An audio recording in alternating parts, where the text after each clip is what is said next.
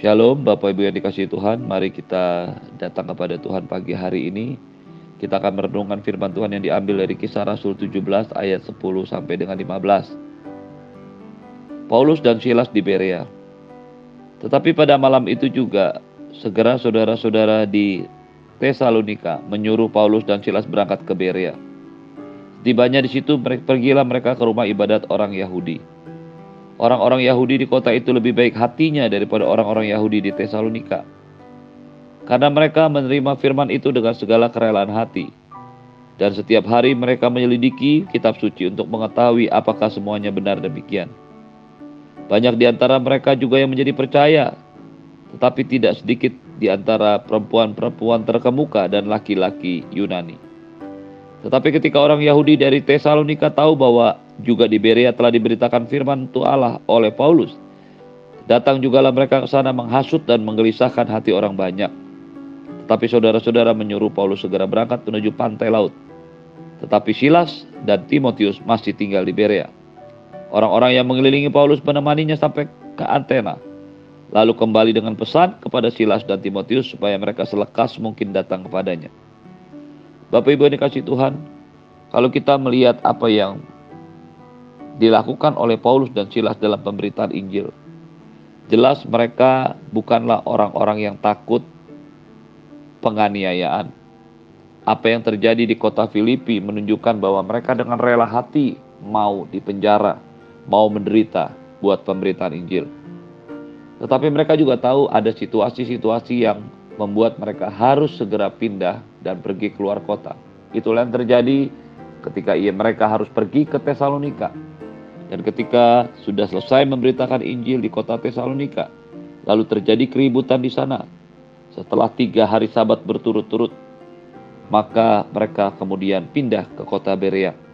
Apa yang mereka lakukan sama sekali tidak menunjukkan bahwa mereka takut akan penderitaan mereka takut akan resiko yang diambil. Mereka sudah siap dengan semua resiko yang mereka terima saat memberitakan Injil. Apa yang mereka lakukan justru menggenapi apa yang Tuhan Yesus katakan dalam pesannya kepada murid-muridnya, kepada dalam firman Tuhan. Bahwa jika engkau ada dalam satu kota, engkau diterima, engkau tinggal di sana. Jika engkau menolak, mereka menolak, engkau pindah ke kota yang lain. Bahkan satu kali Tuhan Yesus berkata, Pergilah memberitakan Injil ke kota-kota lain, karena anak manusia akan datang sebelum kau selesai mengunjungi setiap kota. Bapak Ibu yang dikasih Tuhan, ketika Paulus dan Silas tiba di kota Berea, kota Berea adalah sebuah kota besar, salah satu kota terkemuka yang ada di Makedonia. Dengan jarak sekitar 75 sampai 90 km dari Tesalonika. Mereka tiba di sana dan mereka menemukan sesuatu yang menarik yang harus kita renungkan pagi hari ini. Alkitab berkata orang-orang Yahudi yang ada di kota itu lebih baik hatinya daripada orang-orang Yahudi yang ada di Tesalonika. Orang-orang Yahudi yang ada di kota Berea lebih baik hatinya. Kata lebih baik hatinya berasal dari sebuah kata dalam bahasa Yunani yang disebut dengan eugenes. Kata eugenes yang diterjemahkan lebih baik hatinya sebenarnya adalah kata Yunani yang sama untuk menunjukkan kebangsawanan, keluhuran, ketinggian budi orang-orang. Kata ini ditujukan bahwa orang-orang yang baik hatinya, Eugenes adalah orang-orang yang lebih mulia, yang lebih terbuka hatinya, yang lebih memiliki karakter yang baik. Bapak Ibu yang dikasih Tuhan, perhatikan baik-baik Ketika seseorang disebut mulia, lebih baik budinya, lebih terpelajar, lebih terbuka hatinya. Mereka memiliki paling tidak dua karakter. Yang pertama, mereka menerima firman dengan segala kerelaan hati. Dan yang kedua, setiap hari mereka menyelidikinya. Apakah yang tertulis itu benar demikian. Bapak Ibu yang dikasih Tuhan, Ketika Lukas menulis bahwa orang Yahudi di Berea lebih baik hatinya, Eugenes, maka dia melihat, dia menentukan, dan dia menilai, dia mengklasifikasikan itu. Setelah mereka melihat dua kebiasaan atau dua perilaku orang-orang Yahudi yang ada di kota Berea tersebut. Yang pertama, mereka menerima firman dengan rela. Kata menerima firman dengan rela berasal dari bahasa Yunani protumia Protumia itu adalah sebuah sikap yang siap, yang terbuka, yang menerima pendapat orang lain. Bapak Ibu dikasih Tuhan, sering kali dalam perdebatan, dalam diskusi kita melihat orang-orang saling berargumentasi, mengemukakan pendapat dan pikirannya. Tetapi sering kali mereka juga tidak mau terbuka terhadap pandangan dan pikiran orang lain. Ketika pikiran kita terbuka terhadap firman Tuhan, itu menunjukkan hati kita siap untuk mendengarkan firman Tuhan. Itulah yang menjadi dasar mengapa kita menjadi berbeda satu dengan yang lainnya. Ada orang-orang yang mendengarkan firman Tuhan dengan setengah hati. Ada orang-orang yang mendengarkan firman Tuhan dengan pembelaan diri. Ada orang-orang yang mendengarkan firman Tuhan dengan dalih. Ada orang-orang yang mendengarkan firman Tuhan mencari pembenaran diri. Tetapi pagi ini saya ingin menyampaikan bahwa orang-orang Yahudi yang ada di kota Berea, mereka menjadi orang-orang yang berkarakter, menjadi orang-orang yang siap untuk menerima firman Tuhan karena mereka menerima firman dengan semua kebenaran, dengan semua keterbukaan hati. Bapak Ibu yang dikasih Tuhan, saya sering mendengar ada orang-orang yang setelah mendengarkan khotbah merasa tersinggung karena merasa bahwa firman itu ditujukan untuk menyindir dia. Bapak Ibu yang dikasih Tuhan, inilah yang menyebabkan kenapa orang-orang seperti ini tidak pernah berubah hidup. Karena setiap kali mereka membaca, merenungkan firman Tuhan, mereka tetap menyimpan sesuatu dalam dirinya. Sesuatu yang mereka pertahankan dengan sikap, dengan pandangan, dengan hati. Hal inilah membuat mereka tidak bisa bertumbuh dengan baik. Mereka tidak bisa menjadi orang-orang yang berkarakter. Bandingkan dengan orang-orang yang tidak mengerti apa-apa. Ketika mereka mendengarkan firman Tuhan, mereka menerimanya dengan rela hati. Mereka menerimanya dengan protumia. Satu spirit, satu semangat, satu keterbukaan hati untuk belajar terus firman Tuhan. Bapak Ibu dikasih Tuhan, masalah yang timbul sering kali terjadi ketika kita mulai belajar, kita sudah bertumbuh dalam Tuhan, kita sudah sedikit lama, kita sudah sedikit tahu firman Tuhan. Dan ketika kita membaca merenungkan firman Tuhan, kita sudah punya satu konsep dalam diri kita.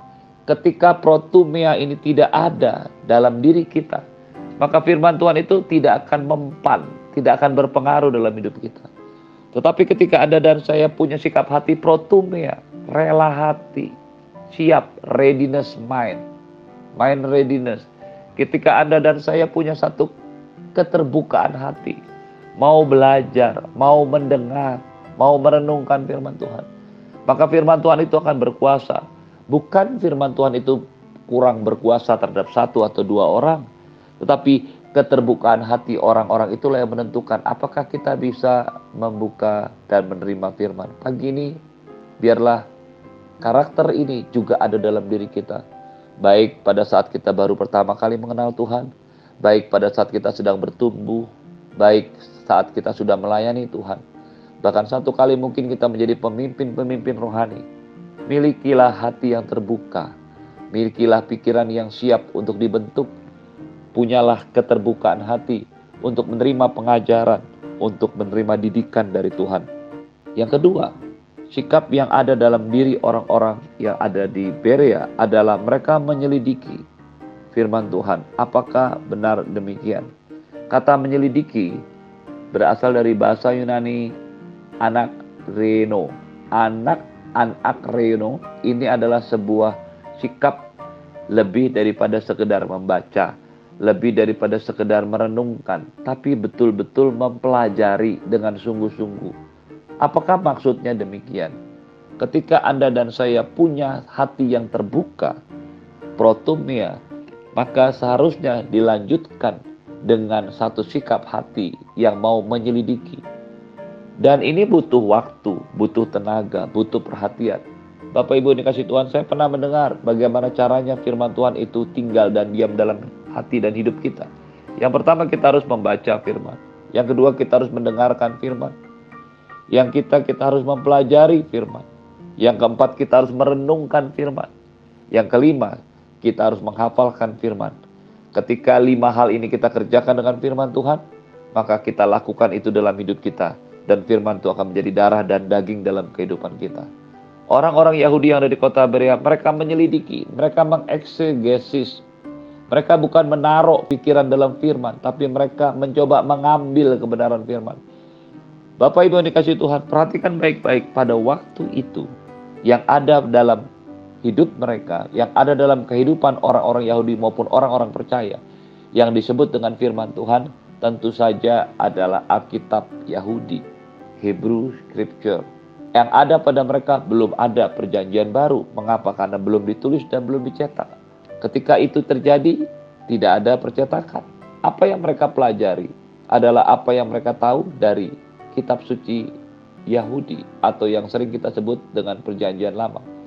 Ketika hal ini terjadi sekitar tahun 49, tahun 50 Masehi, penulisan kitab-kitab yang lain belumlah bisa diperbanyak. Rasul-rasul sebagian masih ada. Mereka belum menuliskan segala sesuatunya. Kalaupun mereka sudah menulis, mereka belum membagikannya kepada banyak orang dengan cepat seperti sekarang ini. Lalu apa yang mereka lakukan dengan kata menyelidiki? Tentu saja yang dimaksudkan di sini adalah Alkitab Perjanjian Lama. Alkitab yang ada pada waktu itu, Alkitab Ibrani. Bapak Ibu yang dikasih Tuhan, yang dipelajari oleh murid-murid, yang dipelajari oleh gereja mula-mula itu adalah perjanjian lama. Hal ini menunjukkan bahwa perjanjian lama tidak berkurang nilainya, tidak berkurang artinya, tidak lebih rendah dari perjanjian baru. Alkitab kita firman Tuhan. Alkitab kita adalah firman Tuhan, bukan berisi firman Tuhan. Jadi apa yang sudah tertulis di dalamnya, baik perjanjian lama maupun perjanjian baru, kedua bagian ini adalah perjanjian yang diucapkan Tuhan kepada manusia yang merupakan firman Tuhan. Kebenaran, kematian, kebangkitan, penebusan darah Yesus tidak menghapuskan apa yang tertulis di dalam Taurat dan kitab para nabi. Itulah sebabnya Tuhan Yesus pernah berkata, Aku datang bukan untuk meniadakan hukum Taurat, tapi untuk menggenapinya. Bapak Ibu yang dikasih Tuhan, memang hukum Taurat tidak bisa menyelamatkan. Yesuslah yang menyelamatkan kita. Tetapi pikiran untuk membuang, pikiran untuk menyatakan bahwa perjanjian lama atau Taurat tidak berlaku lagi adalah sebuah pikiran yang jauh daripada kebenaran. Perhatikan baik-baik apa yang mereka renungkan di kota Berea. Tentu saja yang mereka selidiki, yang mereka renungkan adalah Taurat. Yang mereka renungkan, mereka pelajari adalah kitab para nabi. Yang mereka pelajari dan mereka renungkan, mereka selidiki adalah ketufim, catatan-catatan yang ada di dalam Perjanjian Lama, yang ada dalam Alkitab bahasa Ibrani, Alkitab orang Yahudi. Dengan demikian, penghormatan, penghargaan kita terhadap Perjanjian Lama harus sama dengan Perjanjian Baru. Keduanya adalah kebenaran, keduanya adalah firman Tuhan. Ketika orang-orang Kristen, orang-orang Yahudi, orang-orang percaya di kota Berea menyelidiki firman Tuhan, maka mereka menemukan, mereka mendapatkan kebenaran Tuhan. Dan Hal itu bukan sesuatu yang mudah karena mereka tidak mudah mendapatkannya. Mereka harus pergi ke bait Allah, mereka harus pergi ke tempat-tempat di mana Alkitab itu ada dan kemudian mereka mempelajari, menyelidikinya. Apakah benar demikian? Apa yang mereka temukan dalam perjanjian lama merujuk kepada Tuhan Yesus. Apa yang terjadi dengan Tuhan Yesus? Kehidupan, kematian, penderitaan, kebangkitannya menunjukkan semuanya ada di dalam perjanjian lama. Semuanya ada di dalam Alkitab bahasa Ibrani, Alkitab orang Yahudi. Dengan demikian, maka firman Tuhan adalah sebuah cerita kesinambungan, sebuah cerita yang sinkron, yang terdiri dari sekitar 40 penulis Alkitab yang berbeda ribuan tahun waktunya, tetapi mereka merujuk, mereka menunjuk kepada satu kebenaran yang sama, bahwa Yesus Kristus adalah Tuhan dan Mesias. Dia lahir, dia hidup, dia mati, dia menderita di atas kayu salib, kemudian dia dibangkitkan untuk menyelamatkan Anda dan saya. Kemudian dia akan datang kembali mengangkat gerejanya, menyelamatkan gerejanya untuk hidup yang kekal bersama-sama di dalam kekekalan. Bapak Ibu yang dikasih Tuhan pagi hari ini, biarlah dua sikap hati, dua karakter orang Kristen, orang Yahudi yang ada di kota Beria juga menjadi catatan buat hidup Anda dan saya. Yang pertama, kembali membuka hati, selalu membuka hati. Apa pun Anda, siapa pun kita, apa pun kondisi rohani kita, apa pun jabatan rohani kita, tetap miliki keterbukaan hati, tetap memiliki satu perasaan yang mau terus belajar. Anda dan saya harus terus belajar sampai kita mengerti apa yang dikatakan oleh firman Tuhan. Yang kedua, kita harus punya sikap hati, waktu, tenaga, niat, keinginan untuk menyelidiki firman Tuhan. Ketika dua hal ini kita lakukan, maka kita akan menjadi orang-orang yang memiliki karakter, orang-orang yang diubahkan oleh firman Tuhan. orang-orang yang mendapatkan pewahyuan yang sempurna dari firman Tuhan. Terimalah berkat yang berlimpah dari Bapa di surga, cinta kasih dari Tuhan Yesus, penyertaan yang sempurna dari Roh Kudus, menyertai hidupmu hari ini dan sampai selama-lamanya. Engkau akan sehat, tidak akan sakit, tidak ada satupun bakteri, virus, penyakit apa pun yang menyentuhmu, termasuk varian terbaru COVID. Tidak akan pernah menyentuhmu. Engkau akan aman bersama-sama dengan Tuhan dan hidup dalam berkat Tuhan. Di dalam nama Tuhan Yesus semua yang percaya katakan amin. Shalom, selamat pagi, selamat beraktivitas.